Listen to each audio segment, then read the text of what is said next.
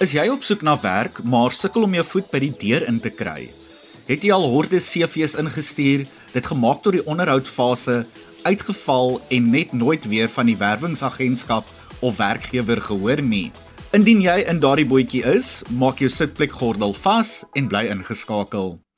Hallo hallo, ek is Adrian Brandt en ek kuier vir die volgende paar minute saam met jou in Kompas op RSG.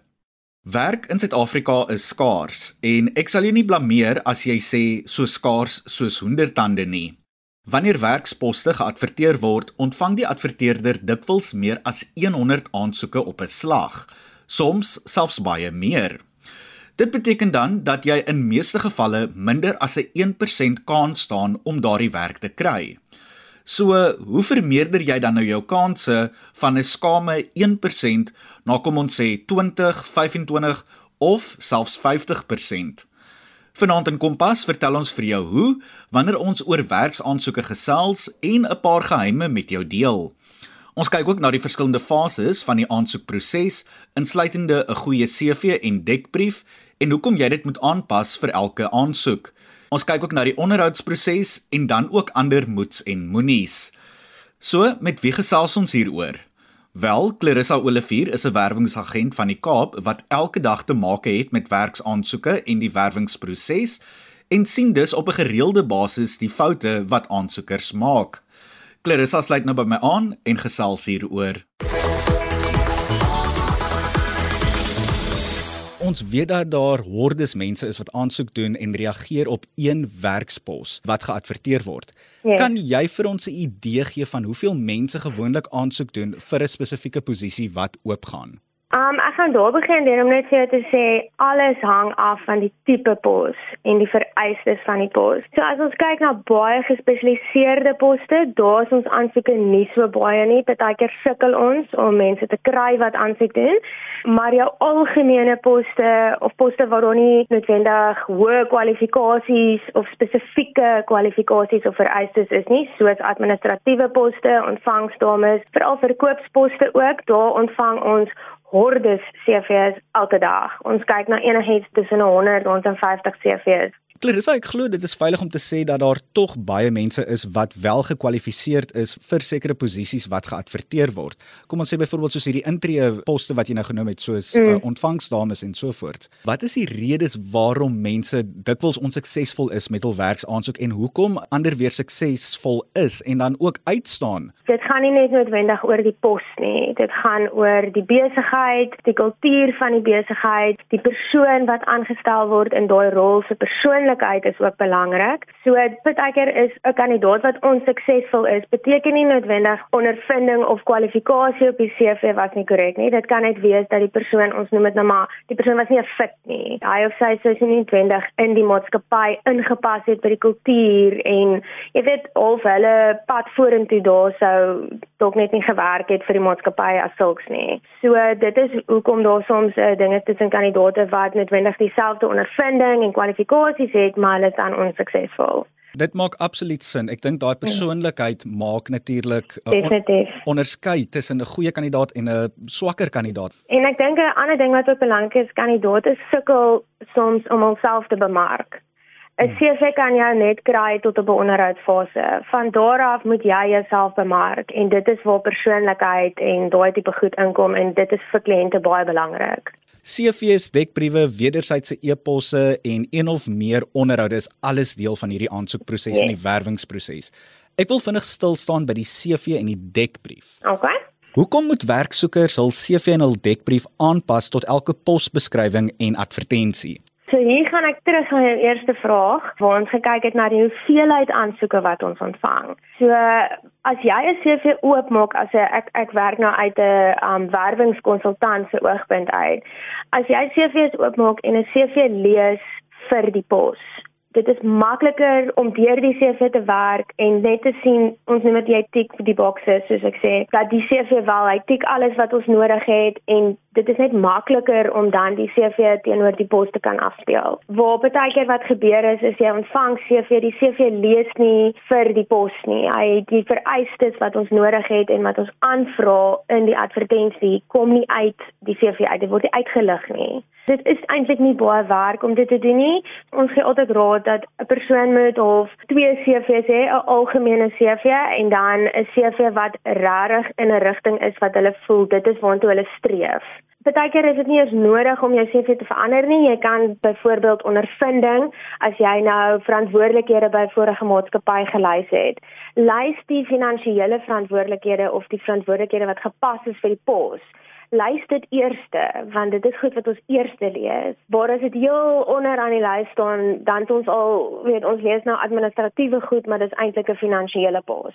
Clarissa, wat is sekere van die dinge of hierdie elemente wat aansoekers laat uitstaan bo die res? Jy het nou vroeër genoem dinge soos byvoorbeeld persoonlikheid en dan natuurlik ook die kwalifikasies. Yes, ek sal sê in daai opsigte as ek terugkom na die CV toe, 'n volledige CV, 'n netjiese CV wat opgedateer is hmm. en ook 'n CV wat maklik lees. Ek dink kommunikasie is die tweede ding vir my. As dit kom by kommunikasie is nou e-posse, telefonies, enige manier hoe ons met jou kommunikeer. Um wees beskikbaar. Um as jy vir my 'n e-posadres gee, maak seker dat dit is um ek kan jou op daardie e-posadres kontak, 'n selfoonnommer, maak seker die selfoonnommer werk. Daai klein goedjies is wat mense partykeer mis en dan As mens aansoek doen vir 'n spesifieke pos, sal mens sien gewoonlik aan die onderkant of die konsultant sal vir die persoon 'n e-pos stuur met dokumente wat ons vereis. So ek sal voor kandidaate maak seker jy het alle dokumente. Dit maak die proses net baie makliker en ook baie vinniger. En ek dink spelling is ook 'n verskriklik dis groot ding en die manier ook hoe mens kommunikeer op e-pos. Um hierdie is 'n professionele platform waarop ons werk. So wees professioneel. Dit laat mense uitstaan bo ander aansoekers wat net die CV stuur en ons kry hulle in die hande nie die kommunikasie is sleg dan voel mens of mens wil nie noodwendig verder die applikasie vat nie Dan die volgende stappe in die aansoekproses is dan om 'n kortlys op te stel en dan onderhoude met aansoekers te voer en dit is waar jy nou betrokke is gewoonlik. Yes. Wat kan aansoekers doen om voor te berei vir daardie spesifieke onderhoud en wat is van die tipiese vrae wat hulle kan verwag? Alright, as ons begin by 'n uh, onderhoud by 'n agentskap, dan is dit jy is nou al redelik in 'n pool van 'n kortlys kandidaate. So hierso, daar's nog nie baie inligting beskikbaar nie. Ons as 'n agentskap gee nie noodwendig die kliënt se besonderhede deur voor die onderhoud nie. Ons sal dit gedurende die onderhoud doen. So die kandidaat kan nie noodwendig voorberei die maatskappy waar hulle aansoek doen nie. Maar ek sal voorstel dat hulle die pos of die advertensie, jy weet, deurgaan en seker maak, weet dalk vir hulle self ook vragies opstel self rakende die advertensie goedjies wat hulle dalk sal wil weet. Maar ja, ek dink vir voorbereiding maak seker wat ook al vereis word dokumentasie wat deurgebring moet word na die agentskap toe dat jy dit het en dat jy betyds is en trek netjies aan ja, verstaan wat die pos is waarvoor jy aansoek doen. En dan tipiese vrae, ja, dit is maar moeilik, dit hang ook maar af wat se tipe pos dit is, maar ek dink gedurende die eerste onderhoud, ehm um, is dit 'n baie algemene onderhoud. Ons kyk gewoonlik na kwalifikasies, werksondervinding, gaan deur jou CV en dan kom daar maar vragies op soos wat is jou sterk en swak punte? Dit is iets wat ek voel kandidaate baie sukkel om te antwoord. Ook hoekom is jy weg by maatskappye? Hmm. Ehm um, wie weet, wees eerlik oor dit, wees voorberei op daai vrae en hoekom is jy op soek na nuwe werk? Um en dan is dit maar ook ons ons probeer in onderhoude 'n bietjie persoonlik ook te raak en te vra, maar wie is jy? Waar het jy groot geword? Weet wat is jou 5 jaar plan? Waartoe is jy? Waar sien jy jouself in die toekoms en wat is jou drome? Want op die einde as ons jou moet bemark, wil ek 'n persoonlikheid op bemark. So dit is belangrik dat kandidaate weet gemaklik is, maar ook die vrae eerlik kan antwoord en in volsinne kan praat. As ek nou vinnig net so my dalder in die slywerbeurs kan gooi, gaan ek nou net sommer gou sê doen navorsing, wees voorberei vir daardie ja. onderhoude en daardie afsprake sodat jy berei 'n paar vrae voor. Ek dink natuurlik ook moet jy nou nie te veel te, of nee, te erg ja, voorberei ja. nie, maar het 'n bietjie van 'n persoonlikheid en wees natuurlik mm. voorberei. Nee, verseker, verseker en dit is as ek dit net op 'n ander oogpunt kan sit uit nie 'n agentskap nie. As kandidaate direk gaan by 'n kliënt, nie deur 'n agentskap nie, is dit baie belangrik dat kandidaate die maatskappy gaan navors. Mm wie is die maatskappy? Wie werk daar? Um wie is die skakelspelers in die maatskappy? Dit laat mens ongelooflik uitstaan as mens bietjie kan saampraat oor wie weet die kultuur en wie's wie en jy weet jy lyk net of jy voorberei is. Clarissa, hoe behoort aansoekers vrae te beantwoord van hierdie dinge wat jy nou sopas genoem ja. het? Natuurlik moet dit met selfvertroue wees, maar mm. jy het mm. ook ons het so vinnig liggies geraak aan die punt van jy moenie te veel voorberei nie.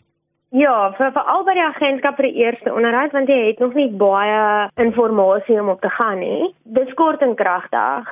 Dink voor jy die vrae antwoord en wees eerlik ek dink baie mense dink nie altyd voor hulle antwoord nie. Hulle begin net praat en dan kan dit noodwendig dalk dalk goed uitkom wat on, wat jy dalk nie wou gehad het ons weet nie of wat jy dalk nie moes sê nie. Dalk ek wie onprofessioneel voorkom en eerlikheid is 'n baie belangrike ding. Veral as dit kom by onderhoude, jy weet tweede, derde onderhoude, daai tipe goed as jy iets wegsteek, dit kom tog uit. Ja. Um veral as ons begin verwysings doen en daai klas van goed. Mm -hmm. So wees net rustig op die einde van die dag, die persoon wat aan die ander kant van die tafel sit, die werwingskonsultant is maar ook op hulle sene wees. Clarissa, ek wil nou 'n bietjie tegnies begin amper raak. Ek het al gehoor mense praat van dat daar sekere woorde of frases is wat aansoekers moet vermy tydens die onderhoud. Wat is sommige van hierdie dinge? OK, ek gaan begin deur om vir te sê kandidaate wat wat soms gebeur by ons is die onderhoud begin en dit is binne 2 minute is ons dadelik op. Wat is die voordele wat die maatskappy my gaan bied? Salaris verlof daar seker tipe goeder dit dit spring dadelik in as ek het reeds die pos en ek wil nou begin onderhandel oor hierdie tipe goeders. Mm. so ek voel uh, in 'n onderhoud begin luister wat gesê word luister wat die vereistes is en mens kan altyd later aan of op tweede onderhoudfase begin praat mens oor goed so salaris verlof daar seker tipe goedjies. Um ek dink woorde soos haat is baie sterk woorde wat deurkom baie keer mm. en dit skep 'n baie negatiewe indruk. Ook ons het al gehad waar weet mense kyk na mense wat mens vra vra dan sal hulle vir jou sê maar dit is op my CV. Jy weet dit is nie 'n antwoord nie. So die rede hoekom jy by die onderhoud is is sodat ons deur jou CV kan werk en met jou gesels oor jou CV. En dan kyk na taalgebruik praat oor goed wat relevant is, moenie aflei van van wat belangrik is en waaroor ons gesels nie. En dit bring my nou so na my volgende vraag toe. Watter wenke het jy vir aansoekers om nie te doen tydens 'n onderhoud nie? Ons praat altyd van trek netjies aan, maak seker ja. jou hemp is gestryk, maak seker dit, maak seker jou hare is netjies, al daardie tipe dinge. Maar hmm. ek dink ons praat altyd oor wat om nie te doen nie. Soos byvoorbeeld daai voet die hele tyd te tik teen 'n kas of hmm. iets nie. Okay, so daar, dit is jy het baie van dit genoem nou. dit is maar van ons grootste goeders daai wat ons sal deurgee vir mense. Um ek dink dit is ook die belangrikste een ons lewe op ons selfone. Alles gebeur op 'n selfoon. So ek dink mense vergeet soms as hulle in onderhoude ingaan, jou selfoon gaan nie nou vir jou hier kan help nie. So sit die selfoon af, moet hom nie invat. Ek sê baie keer los dit sommer in die kar. Mm. Um so selfoon los hom en ek dink die ander ding is ook baie keer gee die persoon dat die onderhoud voer die geleentheid om klaar te praat en die vraag te struktureer en dan antwoord. Moenie in die rede val nie. Ja. Um dit is iets groot wat op deurkom wat ek soms sien ek het nou voorheen ook genoem oor die salaris en seker tipe goeders. Dit is ook iets wat mense nie sommer doen in in onderhoude nie en sit netjies. Mense is asof hulle terug lê en en hulle te gemaklik. So moet ja. ook nie te gemaklik wees nie en moenie babbel nie. Praat rustig en eerder te kort sinnetjie as om te veel te sê en jy babbel. Ek wil nou sommer aanbeweeg nou na die volgende vraag toe en dit is nou foute en blapse wat aansoekers maak tydens onderhoude. Dit is nou miskien bietjie skinnerig amper, maar wat is van die dinge wat jy teekom, die blapse wat mense maak wat eintlik simpel is maar wat tog gebeur? Um, die bogenoemde vraag kan maar ook 'n paar blapse, daai is ook klapsies vir ons. Ja, ek dink mense verstaan nie altyd. Ek sal kyk na die een wat onlangs voorgekom het. Wat is kennisperiode? Vir alles ons hulle vra byvoorbeeld as jy moet bedank, wat is jou kennisperiode? Daar's 'n groot verwarring by mense tussen 'n 30 dae kennisperiode en 'n kalendermaand kennisperiode. Hmm. So ek sal voel kandidaate maak seker jy verstaan wat in jou kontrak staan in terme van 'n kennisperiode, want dit maak goed later aan baie moeilik as jy nie dit weet nie. En los jou ma en jou ouma en jou oupa en almal by die huis. Hulle hmm. hoef nie saam te kom nie. As jy begin aansoek doen vir werk, is jy groot en oud genoeg om jou eie vorms in te vul en jy weet self 'n onderhoud te kan uitvoer. Tweede onderhoude is natuurlik altyd 'n goeie teken, maar nie baie mense dring altyd deur na daardie tweede ronde toe nie. Hoe verskil die tweede onderhoud met die eerste een? So, as dit kom by agentskap, gaan ek sê as jy deur 'n agentskap aansoek doen, is jou eerste onderhoud sal by die agentskap wees en die tweede een moontlik dan by die maatskappy. Maar ek gaan gou vir jou daai beantwoord uit 'n oogpunt uit van as jy direk by die werkgewer aan. Kom ons gaan deur die CV. Ons kyk of jy die nodige vereistes het om die pos te vervul en dit is 'n lekker bespreking. Dis meer kom ons leer ken mekaar tipe onderhoud uh, en dan kom ons tik soos ek nou nog sê, kom ons tik gou alle boksies. Waar 'n tweede onderhoud is waar mense bietjie meer in diepte ingaan. Um ek dink daar is dit ook noodwendig waar mense ander partye genooi word na die onderhoud toe. Hmm. So gewoonlik in 'n maatskappy sal jou HR bestuurder, daardie persoon sal die eerste onderhoud uitvoer en dan sal hulle afhangend van watter departement die pos is, sal daardie departementshoofde instap en ook die tweede onderhoud deel wees van dit. En ek dink in die tweede onderhoud kyk mense bietjie meer spesifiek na wat is die voordele wat die maatskappy offer ehm um, jy kyk na kennisgewing periodes, jy kyk salaris, baie voordele, daai klas van goed word in jou tweede onderhoud bespreek. Presteer, leer en blink uit met Kompas. Dan Clarissa Olivier, 'n werwingsagent van die Kaap wat saamkuier op Kompas en gesels oor die werksaansoek en werwingsproses en alles wat daarmee verband hou. Soos Clarissa genoem het, is dit belangrik om jou CV en dekbrief aan te pas vir elke pos waarvoor jy aansoek doen. Maak ook seker dat jou kontakbesonderhede korrek is, double en triple check dit sommer. Wanneer jy in 'n onderhoud is, maak ook seker dat jy netjies lyk en maak asseblief tog ook seker dat jy nie ruik asof 'n bottel parfuum op jou gemors het nie. Wees ook versigtig vir jou been teen die tafel of stoel die hele tyd tik en los ook jou foon in die kar of sit dit sommer op silent. O ja, los ook natuurlik vir ma, pa en die hele familie by die huis. Iets anders om ook in gedagte te hou, is dat jy steeds netjies moet voorkom al is die onderhoud op 'n platform soos Microsoft Teams, Zoom of Skype. Moenie in jou nagklere of gymklere die onderhoud doen nie en maak seker dat jou area stil is.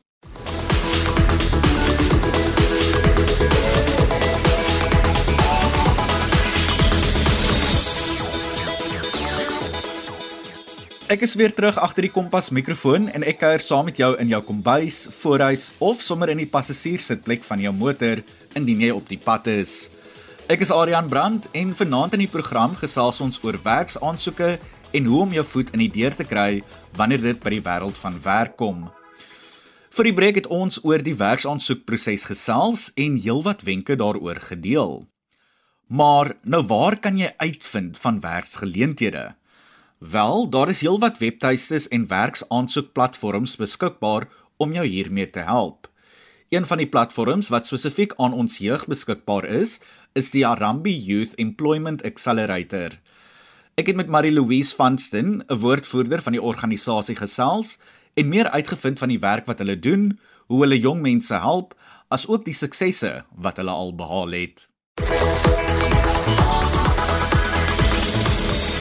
Louise, soos ek verstaan, is Harambe 'n nuwensgewende organisasie wat die jeug help om die arbeidsmag eendag te betree. Vertel vir ons 'n bietjie meer van die werk wat julle doen en dan ook hoe julle dit doen.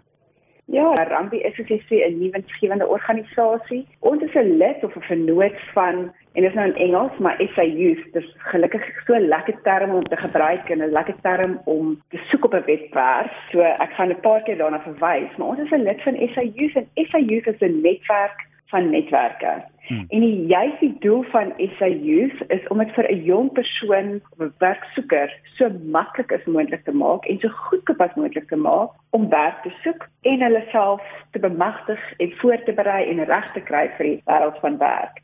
So SA Youth, ons het twee produkte. Aan die een kant het ons 'n Mobi site, SA Youth .mobi waar 'n jong persoon in Suid-Afrika net eenvoudig op die Mobi site kan gaan. Dit is 'n datavrye Mobi site Dit kos hulle geen geld om aan te sluit nie. En wat hulle regtig sien op hierdie platform is enige, kom ons noem dit advertensies van werk of studiegeleenthede.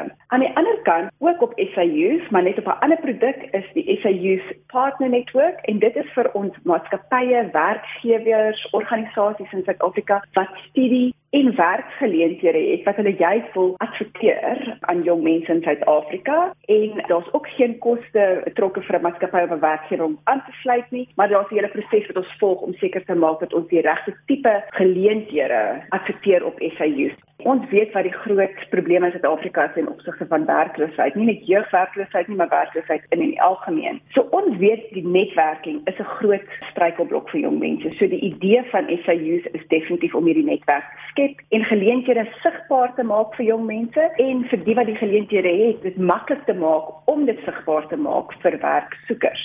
Ons weet ons ander struikelblokke soos die koste van werk, soos vervoer en ons weet met die huidige stygings van petrol is vervoer baie duur. Al is dit publieke vervoer wat gebruik word. Die druk van CV's, posgeld, data, internettoegang, dis alles struikelblokke vir jong mense. So om 'n datavrye aanlyn produkte hê vir 'n jong persoon wat hom nie geld kos nie, waar hy nie hoef onnodiglik CV's te gaan print en af te laai nie of te laat pos of aflewer of per e-pos te stuur nie, is absoluut ideaal en op hierdie manier kan ons jong mense help in Suid-Afrika. So as hulle gaan op die SAU.mobi site, is dit regtig 'n plek waar hulle meer inligting kan kry om hulle self voor te berei vir die wêreld van werk. Al is dit nie spesifiek om daai werk te kry dadelik nie, maar om die voorbereiding te doen. So daar's praktiese advies, ehm um, jy weet op vrae wat jong mense gewoonlik vra en ons ehm um, gee hulle voorbeelde van vrae wat in 'n onderhoud gevra word en hoe moet jy daai vrae beantwoord op 'n professionele manier in 'n onderhoud. Ons help jong mense ook al al ons gaan nooit wegkom van die idee van 'n CV nie. En ons help hulle om 'n CV op te stel en ons gee hulle raad oor waar om werk te soek en 'n bietjie inligting oor basiese persoonlike finansies, begroting En dan regtig wanneer dit kom by daai onderhoud, is dit absoluut kardinaal om te weet hoe trek ek aan, wat sê ek, hoe kom ek voor want daai eerste indruk is is 'n 'n blywende indruk en dit is so verskriklik belangrik om dit te doen. Ag, dit is my so belangrik en hierdie vaardighede moet eintlik regtig op hoërskoolvlak al aangebied word. En ons weet dit word op 'n sekere mate aangebied, maar jong mense moet soveel as moontlik sagte vaardighede bemeester en om dit nou te verduidelik net vir almal wat luister. Jy weet, hoe doen ek 'n onderhoud? Hoe tree ek op? Hoe is dit professioneel? Wat is die regte manier om op te tree? Daai is alles sagte vaardighede wat belangrik is. Daar is ook jy weet harde vaardighede wat 'n jong persoon kan bekom baie keer teen geen koste jy weet. En mense moet net mooi gaan soek daarvoor. Maar dit is beskikbaar. So so jong mense moet soveel as moontlik waar hulle kan harde of sagte vaardighede bekom moet ek absoluut aangryp en dit opspons dit is jong mense kan baie maklik 'n selfoon bewerk maar ek dink dit is belangrik dat mense soveel as moontlik probeer om vaardig te raak op 'n rekenaar. En um, daar's basiese Microsoft programme soos Word Excel en PowerPoint wat vereis word word. Ander dinge waarna jong mense kan kyk is probleemoplossing. Jy weet, dit is iets wat mense op skool al doen wanneer jy wiskunde neem en daar's woordsomme. Ehm um, mense moet leer om soveel as moontlik te kyk waar kan jy, jy weet, leer om uit die boksie uit te dink en uh, 'n uh, probleem te kan oplos. En dan die laaste een, ek dink wat ek wat ek nou net vir die luisteraars kan sê is in Suid-Afrika is die besigheidstaal maar Engels. Dit is baie belangrik om dit te oefen, om soveel as moontlik te luister, te lees en te praat. Jong mense kan begin om hulle eie storie te skryf en te vertel. Wat ek hiermee bedoel is regtig 'n jong mens moet oefen hoe om homself te kan aksorteer. Vertel jou storie. Waar kom jy vandaan? Wat inspireer jou? Wat maak jou gelukkig? Wat sal dit vir jou en jou familie en jou gemeenskap beteken as jy 'n werk het? En soos wat jou omstandighede verander, gaan jy jou storie aanpas want my storie hierdie jaar gaan nie presies dieselfde wees as volgende jaar nie. Ja, so 'n paar jaar terug in die Oos-Kaap en het ons 'n projek gedoen saam met die premier van die Oos-Kaap, SAMSA, um, wat die South African Maritime Association is in Suid-Afrika en MEC Cruise Liners en ons weet in die Oos-Kaap is daar spesifiek min werksgeleenthede en ook 'n hoë werkloosheidssyfer en daar het ons jong mense toe opgelei om op passasiersskepe te werk. En weet jy wat vir my verskriklik lekker is dat ek nou nog op sosiale media kan sien waarvan hierdie jong mense wat ons 5 jaar gelede opgelei het, die hele wêreld vol toer terwyl hulle werk op die skepe maar so sien hulle die, die wêreld ook. Kompas, jou rigtingaanwyser tot sukses. Dran Marie Louise Vanston, 'n woordvoerder van die Harambee Youth Employment Accelerator wat saamgekuier het op Kompas en vertel het van die werk wat hulle doen en hoe hulle ons jong mense help. Marie-Louise het ook die kontakbesonderhede gedeel van die Youth Employment Accelerator en die webtuiste wat sy genoem het is 'n Mobi site en dit is sayouth.mobi. Ek herhaal net weer sayouth.mobi. Die webtuiste is gratis beskikbaar en dit kos jou nie eens data nie, so maak gerus gebruik daarvan. Nou ja, my tyd saam met jou is verstreke en ek moet groet. Martleen Oosthuizen kuier môre aand weer saam met jou en ek hou jou weer geselskap volgende Woensdag. Van my kant tot dan, mooi loop.